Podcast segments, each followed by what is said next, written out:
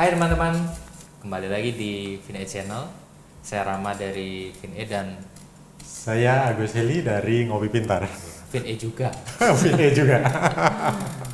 Hari ini kita akan membahas tentang obligasi dan saham Bapak. Oke. Kemarin kita sudah bahas tentang deposito dan reksadana bedanya apa. Oke. Karena saya rasa ada instrumen yang lebih tinggi nilai investasinya daripada reksadana dan deposito Bapak. Itu Oke. kan hari ini kita akan bahas yaitu saham dan obligasi. Obligasi.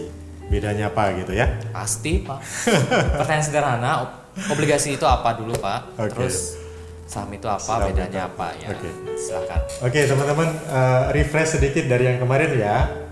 Pilihan instrumen investasi penempatan teman-teman ya. Eh, tradisional ada tabungan, kemudian ada deposito. Kemarin sudah kita Ya. bahas. Kemudian yang lebih canggih lagi ada obligasi, ada reksadana, ada saham. Hari ini kita bahas tentang obligasi dan Saham. saham. Ini obligasi itu surat hutang. Ada yang nyebut bond, kemarin kita bilang gitu kan. Tunggu dulu Pak. James Bond. Ya, tulisannya sama dengan tulisannya James Bond, betul. Iya. Jadi bond, bond atau obligasi, eh, orang nyebutnya obligation atau surat hutang. Yang namanya surat hutang adalah bukti kepemilikan hutang. Hmm. Ya, eh, kita akan jelaskan apa itu karakternya. Se- kalau saham, Mhm. saham itu adalah bukti kepemilikan Perusahaan. perusahaan. Kurang lebih seperti itu kita eh, punya bukti untuk memiliki peru- eh, perusahaan A atau perusahaan B. Ya, Gitu. Oke, yang obligasi dulu ya. silakan. Bukti kepemilikan hutang contohnya gini nih. Hmm. Eh, Mas Rama eh, sebagai pemerintah lah. Ya. Contoh Jokowi misalkan. Kita ngomong ngomong surat hutang pemerintah. Ya. Kan surat hutang itu ada obligasi itu ada yang diterbitkan oleh pemerintah, Mhm. ada yang diterbitkan oleh swasta. Itu yang harus dipahamin Ya. teman-teman ya. Misalkan kita bicara surat hutang pemerintah, kita teman-teman mungkin pernah mendengar ada yang namanya ORI, Obligasi Retail Republik Indonesia. Oke. Ada Saving Bond Retail, pernah dengar SBR, SBR. SBR ada lagi suku, kemudian ada lagi FR, Banyak. fixed rate. Banyak teman-teman di pasaran itu banyak sekali. Itu Oke. adalah surat hutang yang diterbitkan pemerintah. Hmm. Eh, disebut government bond. Oke. Ya, ada yang dalam bentuk rupiah, ada dalam bentuk US dollar. Terserah teman-teman lebih punya uang yang mana. Eh, Ini uang. Saya tadi ibaratkan Mas Rama Iya. sebagai Pak Jokowi, Oke. gitu. Pak Jokowi misalkan memerlukan dana 100 triliun misalkan untuk membangun infrastruktur di Indonesia Timur. Oke. Contohnya gitu. Kalau zaman-zaman dahulu pemerintah perlu dana biasanya kan pinjam uangnya ke mana? Keluar Pak. Keluar kan ke lembaga internasional. Misalkan waktu itu IMF misalkan gitu kan. Bisa jadi. Kalau kita berhutang, kita harus membayar ini enggak? Bayar pokok dan bunga Pak. Bunga ya, nyebutnya kupon. Oh. oke. Ya, bedanya gitu. Kalau tabungan dan deposito disebut bunga, Mhm. kalau obligasi namanya kupon. Tapi secara prinsip sama. Secara prinsip sama, cuman istilahnya aja nyebutnya kupon. Nah, daripada Jokowi membayar kupon atau bunga tersebut ke Luar. keluar, mendingan pinjem ke masyarakat Indonesia. Hmm. Sehingga kuponnya mendingan dibayarkan ke masyarakat. Kurang lebih seperti itu. Jadi gini, eh, Jokowi akan bilang kita perlu dana 100 triliun untuk membangun infrastruktur di Indonesia Timur. Hmm. Nah, daripada kita pinjam keluar, mendingan kita pinjam ke masyarakat. Oke. Nah, masyarakat bisa meminjamkannya lewat mana? Nah, nanti sama pemerintah lewat Menteri Keuangan ya. Kementerian Keuangan akan didistribusikan tuh misalkan 100 triliun. Mhm. Eh, ada sebagian lewat bank, ada sebagian lewat sekuritas. Oke. Nah, bank pun kan Indonesia banyak banget. Kita Iya. sebutin brand aja lah ya, misalkan Bank Mandiri jual Iya. misalkan eh, 500 miliar. Dijatah gitu, Pak, ya? Dijatah, ada Oke. penjatahan. Kemudian eh, Bank BCA, Bank Sekian. BNI, Hmm. kemudian bank-bank asing lah, Bank Citibank, Standard Chartered, HSBC, DBS. Nah, mereka kan semua teman-teman eh, bisa beli di situ Ya. gitu. Nah, eh, itulah yang disebut dengan surat utang. Jadi kita meminjamkan uang kita ke pemerintah. Secara keamanannya menurut Mas Rama gimana? Ya namanya pemerintah minjam pasti di dijamin pemerintah. Yes, betul. Jadi secara keamanan sebenarnya sangat aman teman-teman. Ya maksudnya pemerintah kan nggak mungkin tidak membayar hutangnya ibaratnya kan. Tapi kita tahu nggak kalau nanti jenis surat hutang itu ada yang gini pak namanya kalau kita contoh saya berhutang Ya. sama teman dah pak Ya, ada resiko teman tidak bisa bayar hutangnya ke saya kan pak betul. maksud saya apakah teman ini nanti ada kriteria ini sebagai pembayar hutang yang lancar atau ada kadang-kadang bayar kadang enggak gitu pak Oke, nah Seperti gini. ada apa ya hmm, peringkat Tingkat gitu. peringkat. Nah, teman-teman gini. Kalau kita tadi kan contoh yang baru kita contohkan itulah surat hutang pemerintah. Benar. Kalau dari keamanan ya kita percaya lah sama pemerintah kita. Hmm. Saya kecuali percaya kecuali dun- perang hebat gitu pemerintah udah nggak nggak bisa bayar tapi kan melihat fundamental Indonesia we don't need to worry ya Eh, jadi secara keamanan aman kalau yang dari surat hutang yang diterbitkan oleh swasta itu yang perlu kita mungkin lebih jeli untuk memilih oke di Indonesia itu ada pemeringkat namanya Pevindo hmm, pemeringkat efek Indonesia Indonesia. Di situ kan corporate perusahaan-perusahaan swasta itu kan banyak sekali yang mengeluarkan Benar. surat hutang juga. Benar, Pak. Jadi kita meminjamkan uang misalkan ke perusahaan eh, nggak nggak boleh disebutin brandnya, misalnya PTA PTA gitu. PTA perlu pengembangan bisnis mereka. Mereka perlu dana sekian miliar misalkan. Mereka akan menerbitkan surat hutang. Kita bisa membeli instrumen itu sehingga kita memegang surat hutangnya. Oke. Yang yang perlu dihati-hati adalah ratingnya bagus atau enggak. Nah, Hmm. caranya kan bisa di Google nih, Mas Rama. oke Di Pevindo eh, obligasi ini ratingnya sekian sekian. Biasanya mulai dari AAA, kemudian AA, Ada kemudian B, jenis-jenis. ada jenis-jenisnya gitu. Nah, di situ bisa dipelajarin. Eh, yang perlu saya jelaskan tentang obligasi, gini, namanya surat hutang, ya ini penting nih, ya pak harus ada jangka waktu. Karakteristiknya satu, ada jangka waktu. Jangka waktu itu gini, Jokowi kan akan bilang, saya meminjamnya selama misalkan tiga tahun atau lima tahun, itu Ya. clear di depan. oh, oke Makanya kalau teman-teman minjamin uang ke temennya, jangan lupa dikasih Jangka jangka, waktu. supaya nanti nggak tarsok tarsok kan gitu. Iya. Sifatnya surat utang itu satu harus jelas jangka waktunya berapa lama dan itu ada kontraknya. Kemudian yang kedua jelas di depan kuponnya berapa oke atau bunganya tadi berapa Hmm, gitu. Kemudian cara pembayaran kupon atau bunga itu bagaimana? Ada yang bulanan, ada yang tiga bulanan, ada yang enam bulanan, tergantung jenis produknya itu. Gitu. Kemudian biasanya ada minimum pembelian sih. Eh, memang kalau rata-rata surat hutang pemerintah kalau pembelian pada saat harga perdana itu kurang lebih memang sekitar 5 juta ya. 5 juta udah bisa. 5 mahal juta. juga Eh, mahal itu relatif lah ya. Iya kan. Tapi kalau teman-teman misalkan ah saya eh, pengen punya instrumen surat hutang tetapi masih terlalu besar nih, 5 juta masih terlalu besar. Lewat pilihan reksadana kan bisa. Reksadana yang di dalamnya ada surat Hmm. Obligasi, hutangnya. oke. Nah itu kan bisa mulai dari 200 ribu, 300 ribu, 500 ribu kan masih bisa. Kalau pengen memiliki obligasi, ya ya eh, resiko harus dijelaskan dong benar teman-teman resikonya apa sih? Eh, obligasi itu memberikan kupon yang fix tetapi bagaimanapun juga ada fluktuasi harga. Ya bi- biasanya pada saat diluncurkan itu ada harga namanya harga par mas Rama. Oke. Ya. Eh, biasanya di angka 100 ada juga sih yang di bawah. Di bawah par namanya diskon. Eh, diskon obligasi yang diskon. Tetapi kita nggak akan bahas itu. Oke. kita ngomong yang general aja.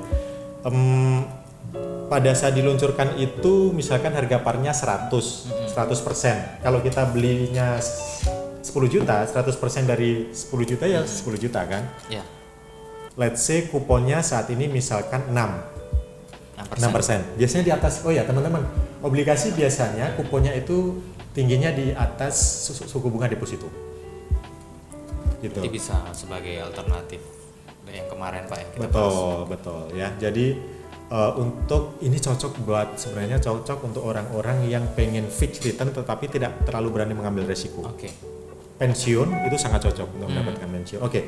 Misalkan deposito 5%, bisa jadi obligasi 6% mungkin 6,5%. Nah, selama tiga tahun kan suku bunga deposito kan bisa berubah. Bisa pak. Sementara ini tadi sudah fix selama tiga tahun tidak akan berubah. Iya. Kontraknya tidak akan berubah. Kalau dalam perjalanannya di tengah-tengah misalkan deposito naik menjadi eh, enam persen, obligasi menarik nggak? Menarik pak. Lebih tinggi nggak? Kalau misalkan deposito menjadi suku bunganya misalkan menjadi 6,5 Iya. lah, kan obligasi udah nggak menarik lagi. Kemungkinan market akan pindah ke deposito sehingga obligasi itu bisa aja harganya menjadi turun. Gitu. Tetapi don't worry teman-teman, meskipun turun suatu saat pada saat jatuh tempo sini akan kembali 100%. Itu yang perlu dipahamin dulu. Ya. Obligasi. Oh ya, satu lagi. Deposito bunganya 20%. Mhm. Oh, sorry. Pajak. Pajak, pajak 20%. Kalau obligasi pajaknya Obligasi pajaknya berapa? pajaknya 15% teman-teman. Lebih rendah. lebih rendah. Jadi secara perpajakan keuntungan obligasi adalah pajaknya lebih rendah. Oke. Gitu.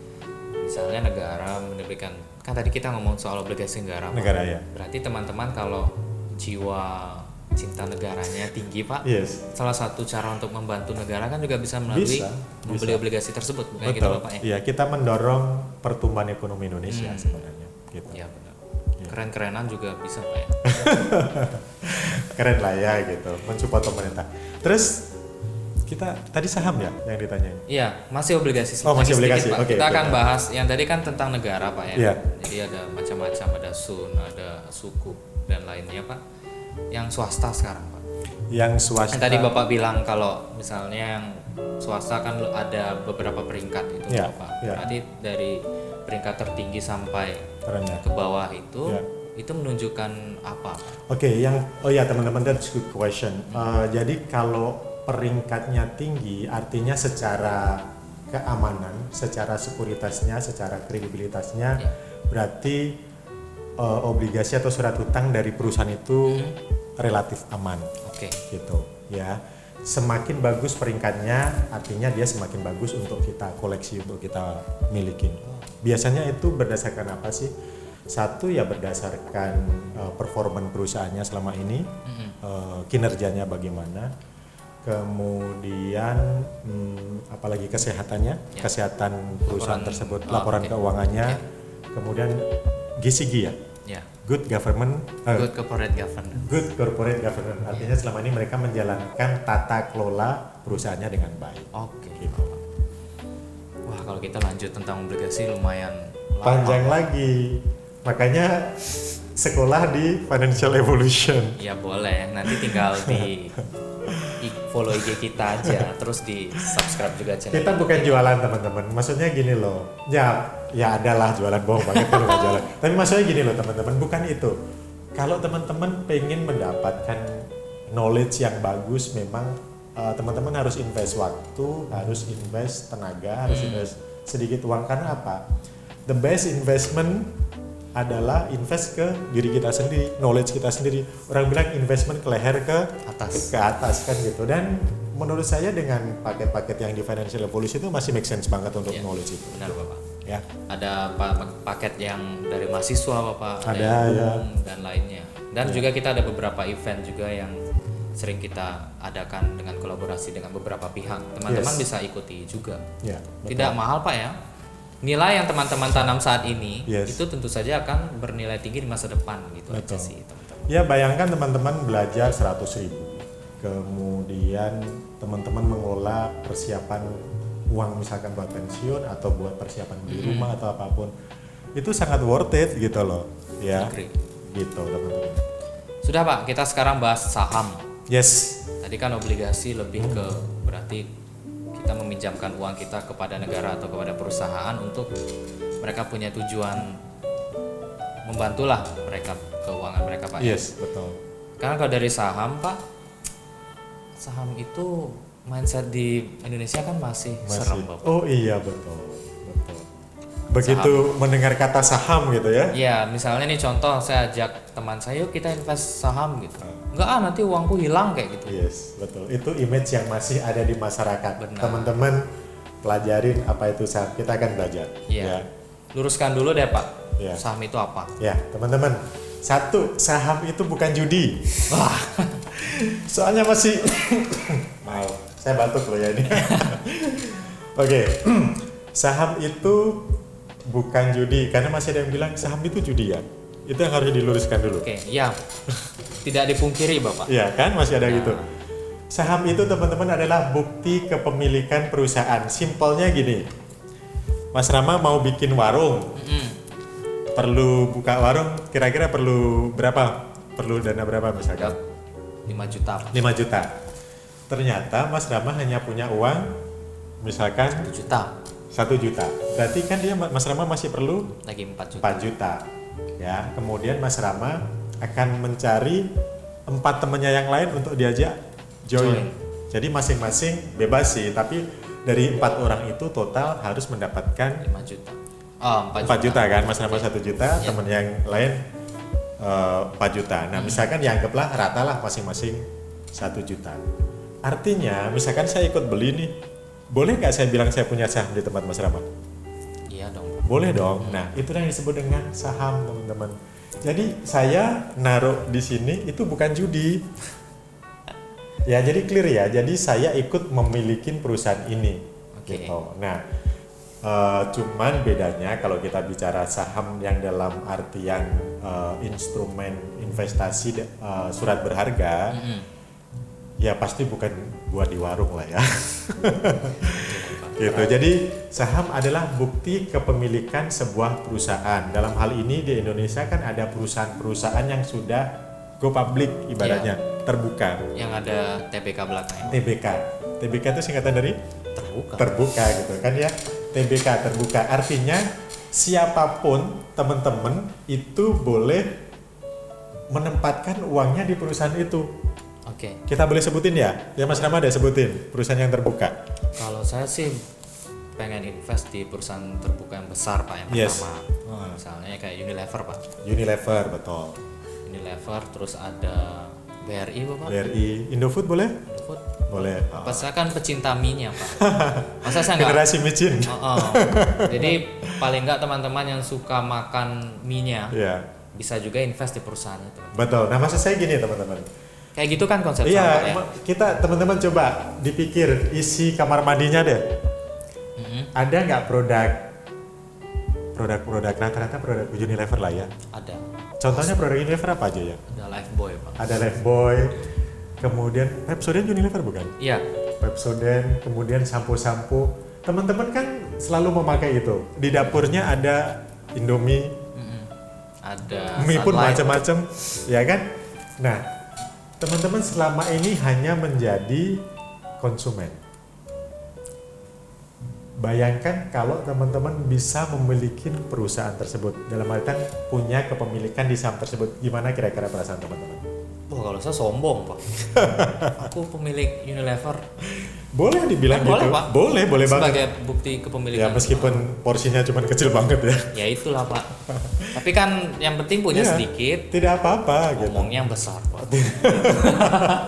Tidak apa-apa teman-teman, karena gini, eh, kita ingin teman-teman itu bukan hanya sebagai user, bukan hanya sebagai pembeli, tapi kita ingin teman-teman juga bisa memiliki, apalagi kalau kita bisa memiliki sahamnya BCA, sahamnya BRI, sahamnya Bank Mandiri, Ya.